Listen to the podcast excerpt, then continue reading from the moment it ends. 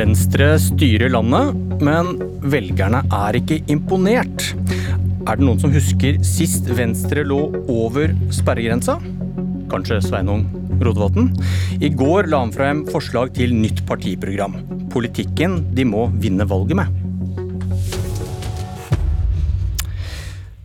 Ja, Sveinung Rotevatn, husker du når Venstre sist var over sperregrensa på snittet av målingene? Vi er det heldigvis eh, med jevne noe på enkeltmålinger, men på snittet er det dessverre en stund siden. Eh, på snittet nå ligger vi vel på tre og en halv ca., så vi har en jobb å gjøre for å løfte oss over fire, og helst eh, mye lenger enn det. Svaret da, ifølge nettstedet Poll of Poll, så var det juli 2019. God morgen, forresten. God morgen.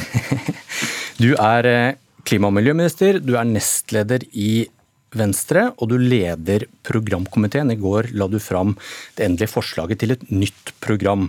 Og en av sakene som ble trukket fram i nyhetene i går, var å øke barnetrygden for fattige familier.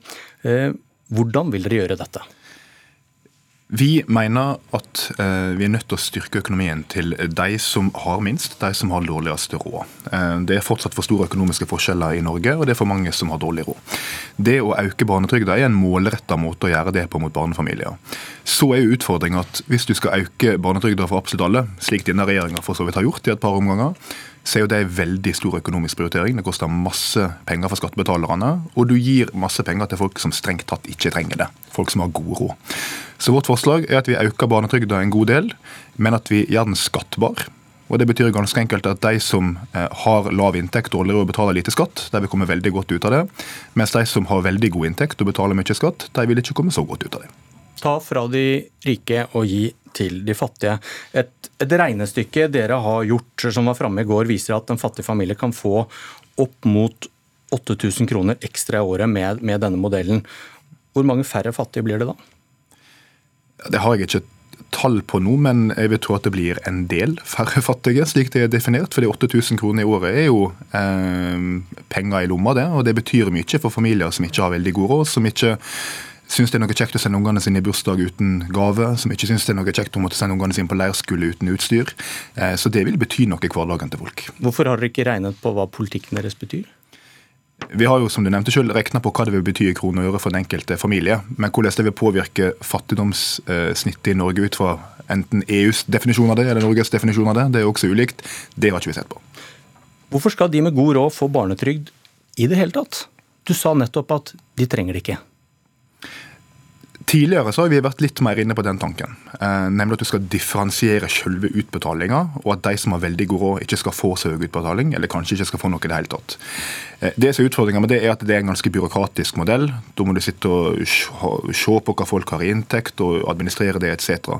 Så vi tror det er enklere å gjøre det slik at du betaler likt alle, men la det inngå i skattegrunnlaget. Da vil du treffe rimelig godt, uten at det blir noe mer byråkrati.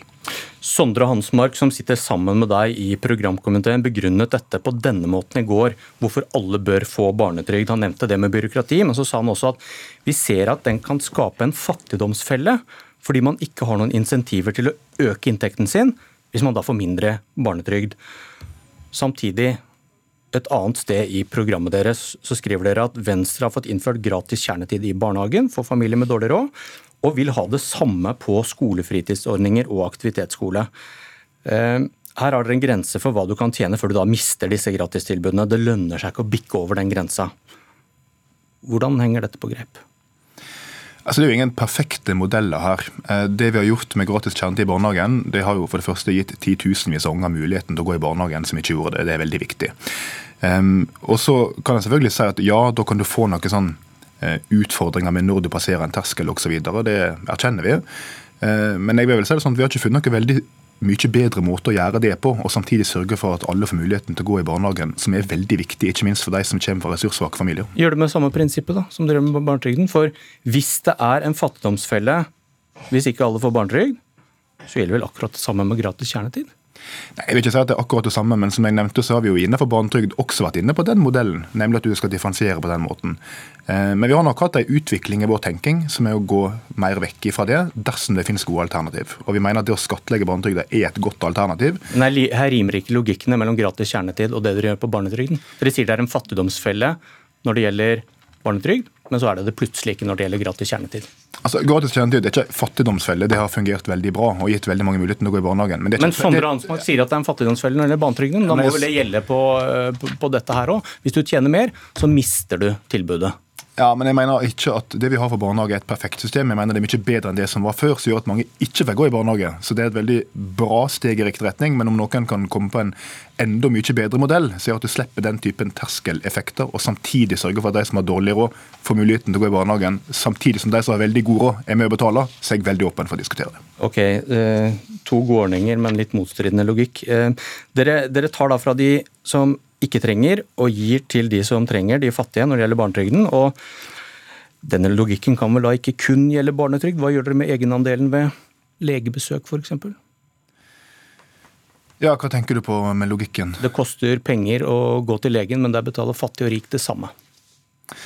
Ehm, ja, i og for seg, men det er klart nå er jo legenandelene ved å gå til legen veldig lave.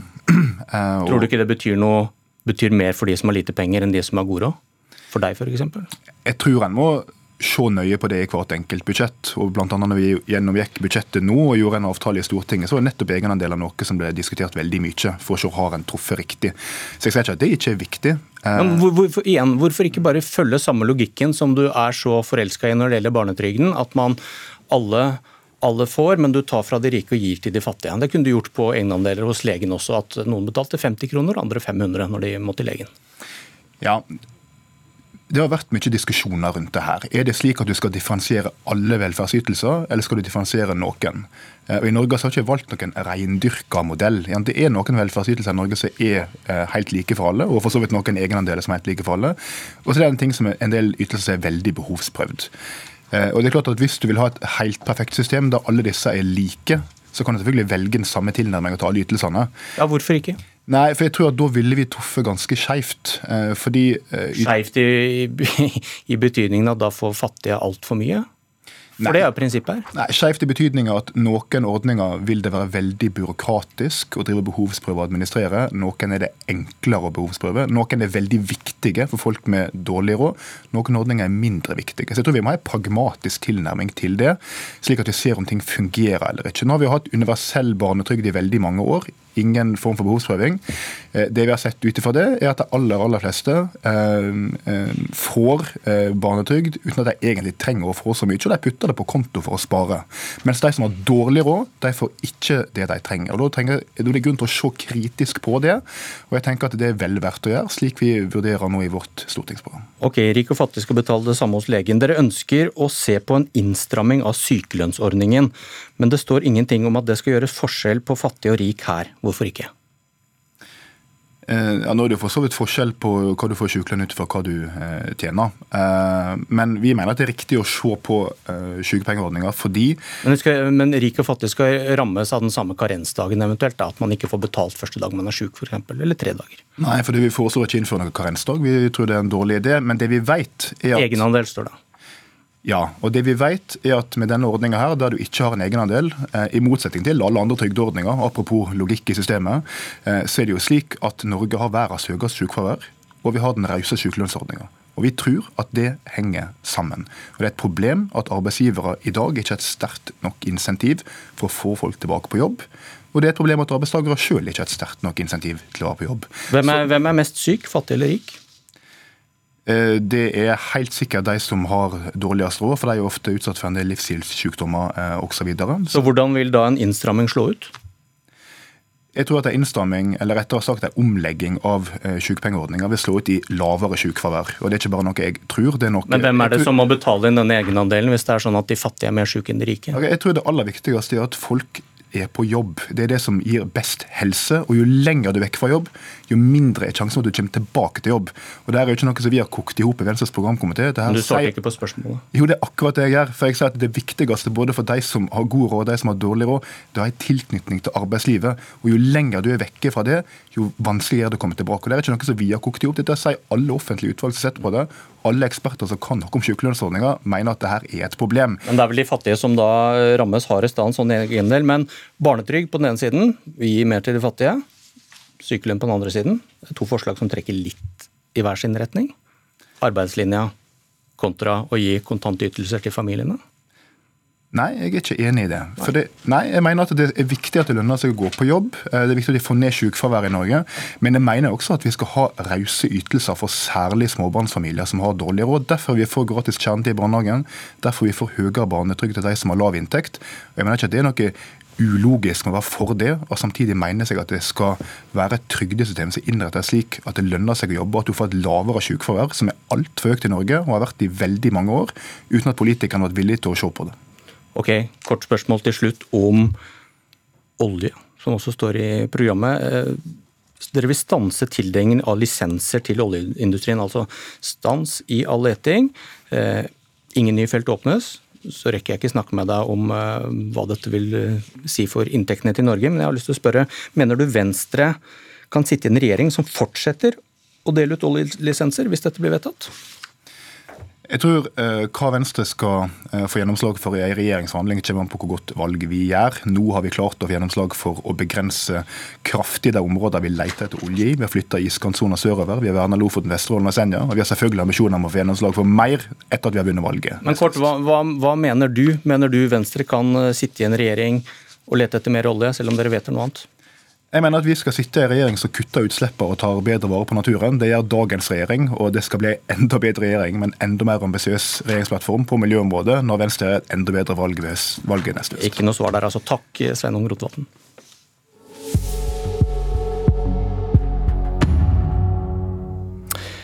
Det skjer saker og ting i Fremskrittspartiet. I helgen skulle f.eks. Ketil Solvik-Olsen nomineres til en plass på Stortinget. Men så trakk han seg plutselig pga. familien. Dermed har to mulige kronprinser, Jon Georg Dale og Solvik-Olsen, takket nei til stortingsplass. To Frp-ere som ikke kjenner hornmusikk i brystet av nasjonalkonservative toner. God morgen, Lars Nehru Sand, politisk kommentator i NRK. Riktig god morgen. Hva betyr det for partiet at de to ikke skal på Stortinget? Det er først og fremst eh, trist for Siv Jensen, som mister to på ulik måte viktige samarbeidspartnere i, eh, i, sitt daglige virke. Og så kan det ha noe å si for maktbalansen på toppen av partiet eh, i spørsmålet om å søke makt eller ikke, og hvilken retning partiet skal gå.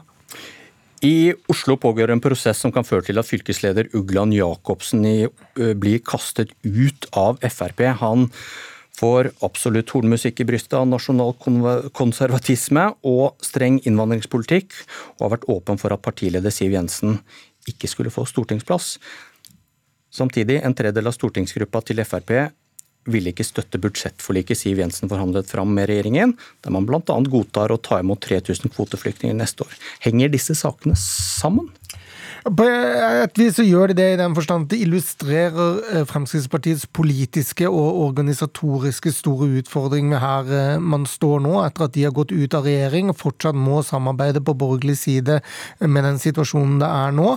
Eh, og det viser jo også altså Oslo-saken er en spesiell case hvis man ser det fra utsiden, men det er en veldig kontroversiell sak innad i partiet, fordi veldig mange andre i Frp utenfor Oslo føler at dette tar altfor mye oppmerksomhet og gir et feil bilde av eh, hva Fremskrittspartiet er og skal eh, være.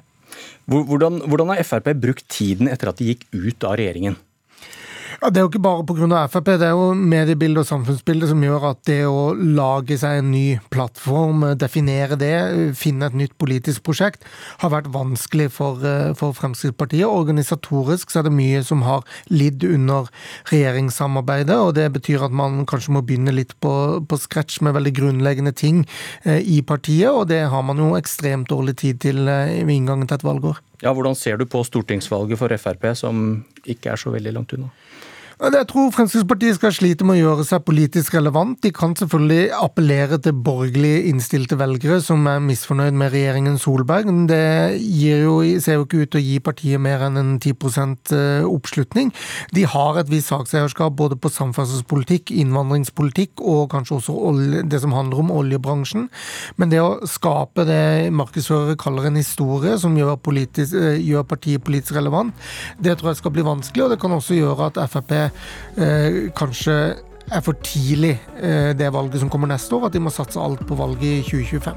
Og det var Politisk kvarter.